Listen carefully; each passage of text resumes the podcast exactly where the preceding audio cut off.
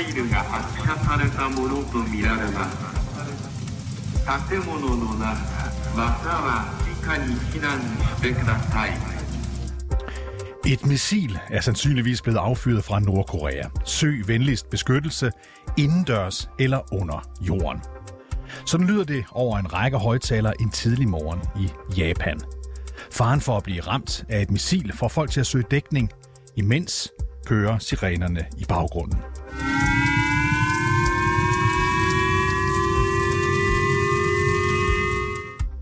De seneste par uger har Nordkorea affyret otte ballistiske missiler.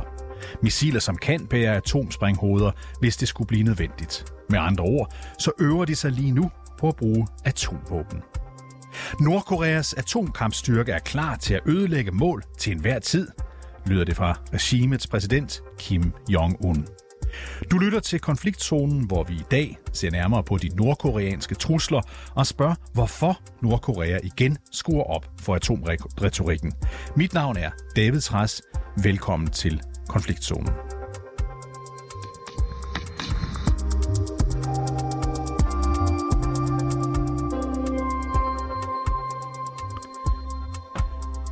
Frederik Kelter, velkommen til programmet. Du er dansk journalist, bosat i, tai- bosat i Taipei i uh, Taiwan. Fortæl os lige først og fremmest, hvad er lige nu status uh, på de her affyringer? Jamen, status lige nu er, at der heldigvis har været ophold i de her missilaffyringer siden, uh, siden i søndags. Um, så der er ligesom et håb om, at de værste bullerne, øh, værste bullerne krigs, øh, krigstrummer ligesom er, er, er overstået for nu. Men, øh, men samtidig så efterlader de her øh, affyringer også ligesom en, en bekymring i og med, at, at øh, nordkoreanerne er gået længere den her gang, end de har gjort tidligere, blandt andet som også I, I nævner i indledningen med det her øh, missil, der blev fyret hen over, hen over Japan i, i tirsdags for, for, for en uge siden. Så der, der er ro nu, men, øh, men der er stadigvæk også bekymring i forhold til, hvad vi har, hvad vi har set indtil videre. Kim Jong-un, han har også været ude, du nævner ham før, den nordkoreanske leder, han er ude og kommentere på de her missilaffyringer. Hvad siger han om, øh, om det, der foregår? Jamen altså, ifølge nordkoreanerne, så er det her jo egentlig bare en øh, helt legitim øh, respons på, på de provokationer, som de mener, der kommer fra fra især amerikansk, men også fra sydkoreansk og, og japansk side. Øhm, så det skal egentlig ses som en form for demonstration fra Nordkoreans side, at øh, vi kan slå til, hvor det skal være, hvornår det skal være. Øh, vi har magtfulde militære kapaciteter, som vi kan tage i brug til at, at ramme jer, så lad være med at tige os, lad være med at teste os, lad være med at provokere os, fordi det kan gå grueligt galt for jer. Kim Jong-un, øh, han er også ude og sige øh, det her. Selvom fjenden fortsætter med at tale om dialog og forhandlinger, så har vi ingenting at tale om, og vi føler heller ikke et behov for det. Det er jo voldsomt, det han siger der. Hvad mener han øh, med det, Kim Jong-un? Jamen altså, han kan jo både, altså det, er jo, det man kan sige først og fremmest jo lidt, som du siger, det, det er voldsomt, det er meget øh, kompromilløst, meget uforsonende øh, udtalelse, han er, han er ude med her. Øhm, og han kan jo egentlig mene det, som han egentlig siger, at, at affyringerne egentlig er en demonstration og egentlig taler for sig selv. At man har egentlig bare behov for at vise med de her missilaffyringer, at man jo er klar på at svare på en hvilken som helst trussel, som Nordkorea opfatter måtte komme fra, især fra, fra amerikanerne. Øhm, og der derfor ikke er behov for at sige mere end det, de her affyringer jo egentlig kommunikerer i sig selv.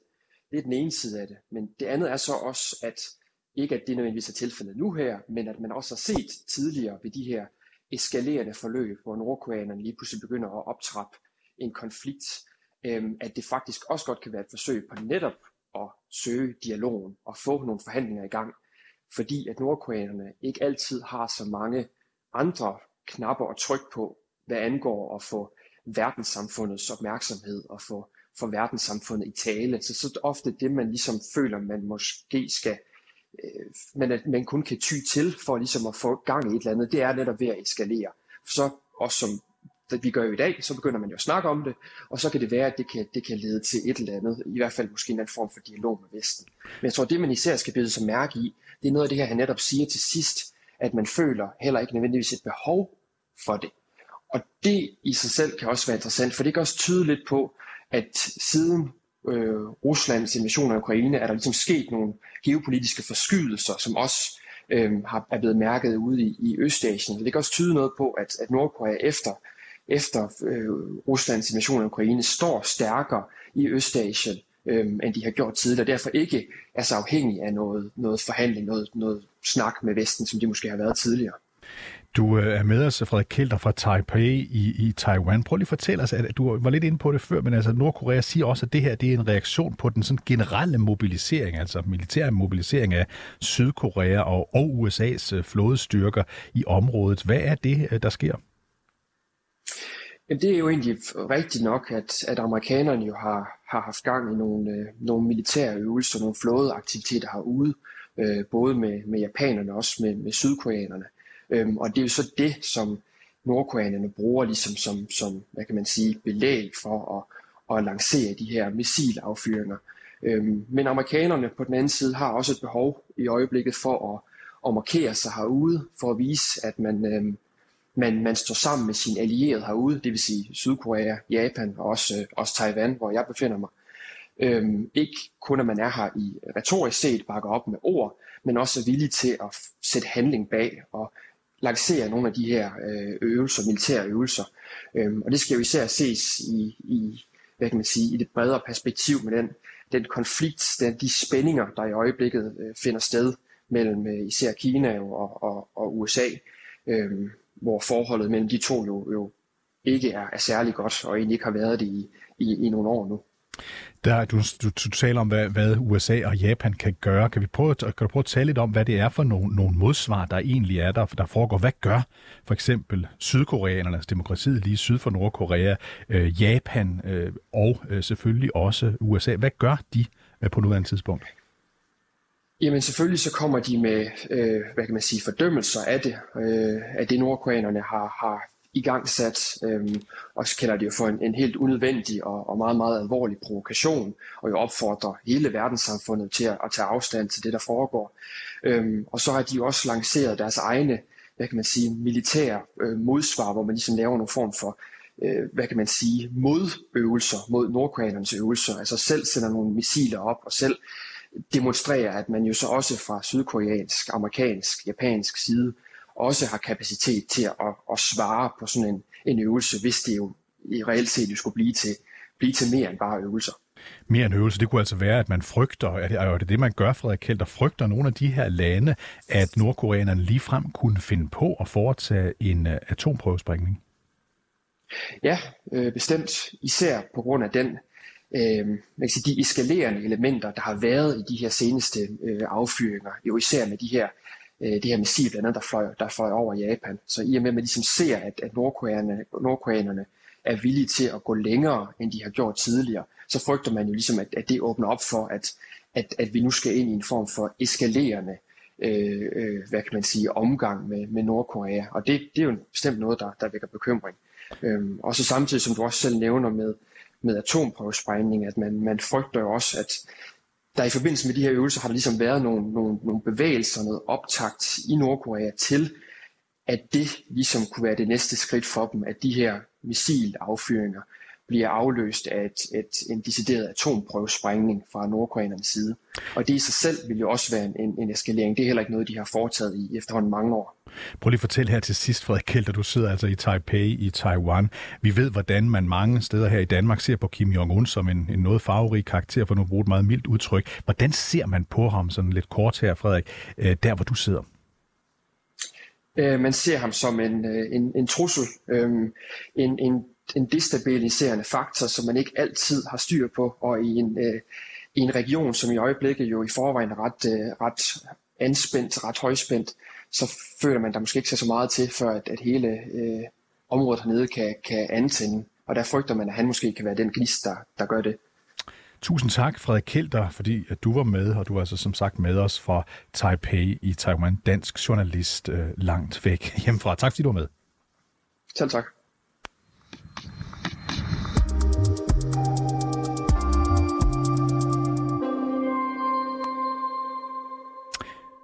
Camilla Nørup Sørensen, velkommen til programmet. Tak skal du have. Du er lektor på Institut for Strategi og Krigsstudier på Forsvarsakademiet i København med særlig fokus på østasiatisk øh, sikkerhedspolitik. Og den 3. oktober, der sendte Nordkorea, som vi har været inde på lidt tidligere, for første gang siden 2017 et missil øh, ind over Japan. Lad os lige prøve at gå lidt dybere ned i, hvad det skyldes. Vi hørte lige Frederik Kjeld, altså dansk journalist ude i Taiwan, fortælle om Sydkoreas og USA's mobilisering af flådestyrker i området. Er det i sig selv nok, øh, Øh, Camilla Nørup Sørensen, til at få Nordkorea til at reagere på den her måde? Ja, altså det kan være medvirkende til, at det er netop nu, øh, de gør det, kan man sige. Altså nu hvor de her øvelser øh, er i gang, og der generelt er en, en, en større øh, sydkoreansk og amerikansk militæraktivitet, end der plejer at være, jamen så er det et vigtigt øh, signal for Nordkorea at sende, at, øh, at det er de altså meget utilfredse med. Men man kan sige, at de mange missiløvelser, vi ser øh, generelt, er også led i, at det nordkoreanske øh, militær har behov for simpelthen at teste for at videreudvikle deres missilprogram. Og der har de ikke testet sådan et langrækkende missil, som var det, der fløj hen over Japan. Det har de ikke testet siden 2017.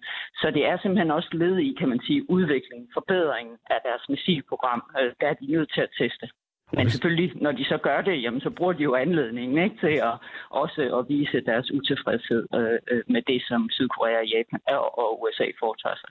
Og nu nævnte du lige øh, krisen der tilbage i 2017, hvor der var en meget stærk spænding mellem Nordkorea og USA. Vi husker, at Donald Trump lige var kommet til som USA's præsident. Det var meget dramatisk på det her øjeblik, hvor efter det senere hen blev jo bedre. Men hvordan er forholdet til øh, USA lige nu?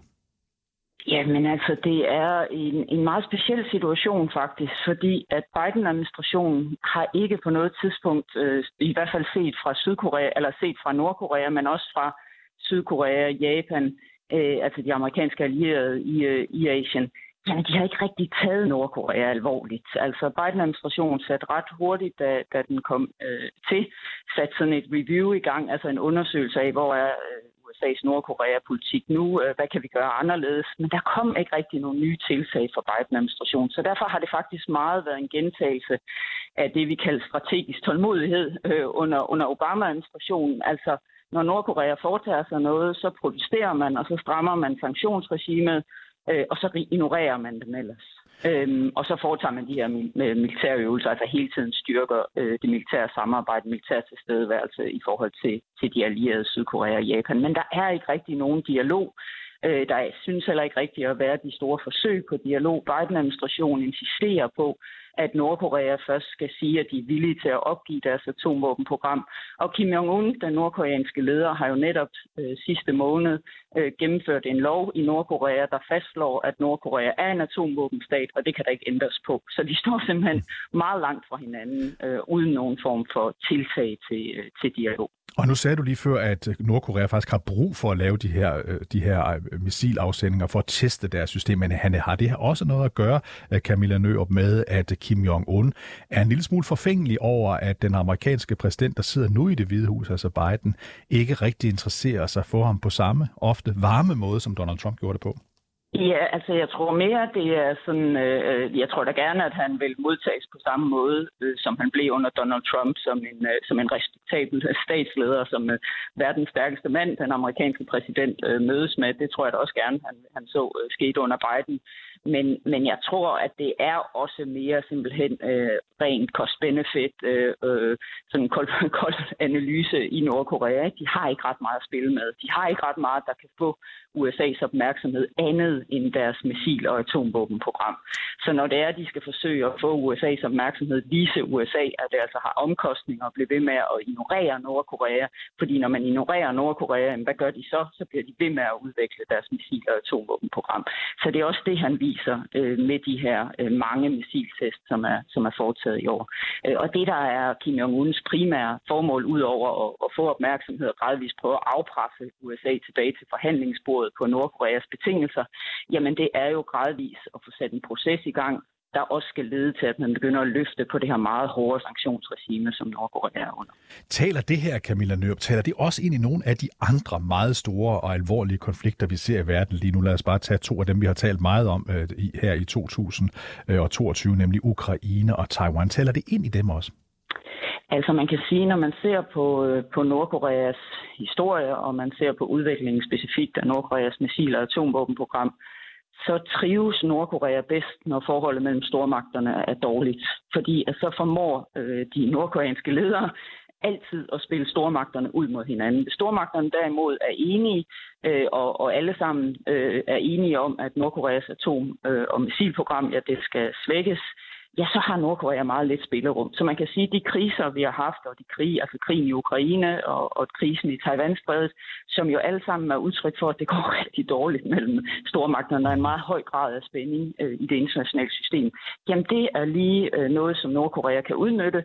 Vi så det jo blandt andet øh, i sidste uge, ikke, hvor USA prøvede at få en, en resolution igennem, øh, eller en, en beslutning igennem FN's Sikkerhedsråd om, at man bare skulle begynde at diskutere Nordkorea og hvad man skulle gøre med Nordkorea. Ja, den blev stemt ned af, af Rusland og Kina. Så, øh, så det, er, det er simpelthen øh, et Nordkorea, der bedst trives, øh, når stormagterne er uenige. Øh, og det, øh, det ser vi også nu, øh, at de gør, og de udnytter muligheden til at støtte op omkring Rusland og, og indikere, at de er villige til at sælge Rusland våben, har støttet op om anerkendelsen af de her to provinser i Ukraine, som Rusland jo nu hævder er, er, er russiske. Ikke? Så, så Nordkorea udnytter simpelthen de her spændinger, der er mellem stormagterne til at fremme deres, deres egne interesser. Så på den måde kan man sige, at Nordkorea øh, nyder godt af, at der er store alvorlige konflikter andre, andre steder i, i verden. Lad os lige prøve at se lidt nærmere på de her øh, missiltests, som, som Nordkorea rent faktisk har udført i de seneste uger. Fortæller de, Camilla Nørup, fortæller de os noget nyt om, hvad Nordkorea er i stand til på den militære våbenside? Ja, det gør det. Altså, vi ser øh, en generelt øh, eller en gradvis øh, forbedring af Nordkoreas øh, missilprogram over de senere år. Øh, vi ser, at de, øh, at de har flere forskellige missiler, øh, og at de er i stand til at, at affyre dem fra forskellige platforme.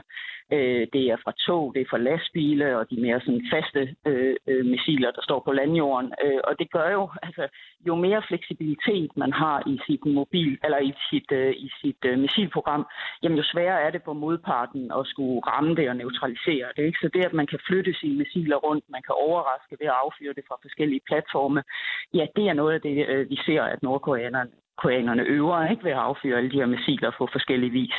Og så er der det her med, at de jo øh, både har forskellige kortrækkende missiler, øh, og forskellige langtrækkende missiler. Og det, der har været ude øh, de seneste uger, øh, særligt her i den her uge, hvor de har affyret forskellige øh, kortrækkende missiler, det er jo også, at det, der synes at arbejde på, det er at kombinere øh, i højere grad, eller blive bedre til at kombinere deres atomvåbenprogram og deres missilprogram. Det, de har været ude at sige, det er, at nu nogle af de her kortrækkende missiler, det de er tiltænkt, det er, at de skal bære små øh, atomspringhoveder, altså sådan det vi også nu i forhold til Rusland øh, øh, kalder de her taktiske atomvåben, altså mindre øh, atomprøve øh, eller atomvåben.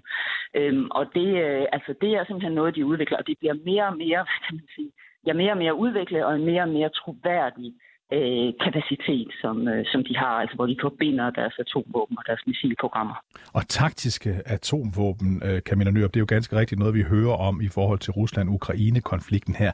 Hvad er det, Nordkorea, tror du, den her gang kan få ud af lige præcis de her missiltest? Altså, øh, jeg tror stadig, at det primære formål for øh, Kim Jong-un, det er at prøve at afpresse øh, særligt USA, men også Sydkorea og Japan, tilbage til forhandlingsbordet på øh, Nordkoreas betingelser. Altså det vi ser, det er, at Kim Jong-un har været ude og fastslå det, jeg nævnte før, ikke? at øh, nu er de en atomvåbenstat, det bliver der ikke ændret på. Øh, de har også været ude og fastslå, at de går ikke ind i forhandlinger, hvor formålet er at, at denuklearisere, altså fjerne Nordkoreas atomvåben. Så de har ligesom slået fast, hvad er nu de nordkoreanske betingelser for at genoptage øh, dialog og forhandlinger. Og der forsøger de så at afpresse de andre tilbage øh, til øh, de her forhandlinger, fordi det er det, der på sigt er helt nødvendigt for Nordkorea for gradvist at få, få løftet de her, det her sanktionsregime. Man kan sige, at begynde at bruge de her våben, det vil være en, øh, en øh, selvmordsaktion for øh, Nordkorea. Altså, de har de her våben selvfølgelig, men kigger vi ellers generelt sådan på, på den militære situation, den militære balance mellem Nordkorea og USA og USA's allierede, ja, så er den jo helt skæv øh, øh og slet ikke til fordel for Nordkorea. Så så det er mere et politisk våben, øh, det her, ikke? hvor de prøver at bruge det til, ja, primært at tvinge sig tilbage til, øh, til for, at tvinge øh, USA og USA's allierede tilbage til forhandlingsbordet på Nordkoreas præmisser. Lad os lige prøve at høre et klip med Kim Jong-un, og det er jo altså på, på koreansk. Jeg skal nok oversætte det bagefter, men tilbage i juli, der sagde han det her om at true med atomvåben. 지금 우리 무장력은 그 어떤 위기에도 대응할 철저한 준비가 되어 있으며 우리 국가의 핵전쟁 억제력 또한 절대적인 자기 힘을 자기 사명에 충실히 정확히 신속히 동원할 만전태세에 있습니다. Ja, det han siger, det er altså det her. Vores militære styrker er forberedte på enhver krise, og statens afskrækkelse mod atomkrig er også klar til at mobilisere sin absolute styrke. Det sagde han den 28. juli, og det er altså årsdagen for afslutningen på Koreakrigen. Ved vi, hvad der skal til, for at han rent faktisk kan finde på at bruge dem? Nej, så som jeg var inde på før, så vil det være en, øh, en ren selvmordsaktion, ikke? fordi at, øh, at altså, alt det, han vil få tilbage i hovedet, øh, vil virkelig kunne, helt kunne udslette det nordkoreanske øh, regime. Og man skal også huske på, at det der er Kim Jong-uns primære formål, det er at fastholde øh, grebet om magten øh, i Nordkorea. Så atomvåben kan på mange, og atomvåben og missilprogrammer kan på mange måder ses som Kim Jong-uns sådan ultimative øh, regimesikkerhedsgaranti. Altså det er simpelthen det, han, øh, han, han stiller op foran sig, når han ligesom skal prøve at afs, eller skal afskrække skal øh, USA og USA's allierede, Japan, Sydkorea især, fra at forsøge på noget som helst, der kan true det nordkoreanske regimes øh, greb om magten. Øh, så det er, øh, det er det primære. Der kan man selvfølgelig spekulere i, ligesom vi gør nu med, med, med Putin i Rusland. Kan han blive så presset? Øh, kan det øh, se ud til, at øh, regimet vil falde alligevel, hvis han ikke bruger de her våben? Øh, og, og det kan man jo altid spekulere Men der er ikke noget, der tyder på, at, øh, at Kim Jong-un ikke er en, øh, en ret rationel leder, ikke? som virkelig tak. er nådesløs, men formår at tage sine fordele og ulemper ved de forskellige tiltag. Tusind tak, Camilla Nørup Sørensen, lektor på Institut for Strategi og Krigsstudier på Forsvarsakademiet med særlig fokus på østasiatisk sikkerhedspolitik. Tak fordi du var med. Det var slet.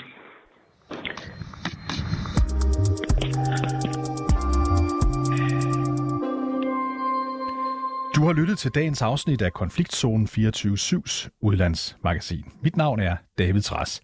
Holdet bag dagens program er journalist Sofie Ørts og redaktør Christine Randa. Du kan lytte til programmet direkte, det kan du mandag til torsdag fra kl. 8 til 8.30, men du kan selvfølgelig også høre programmet som podcast.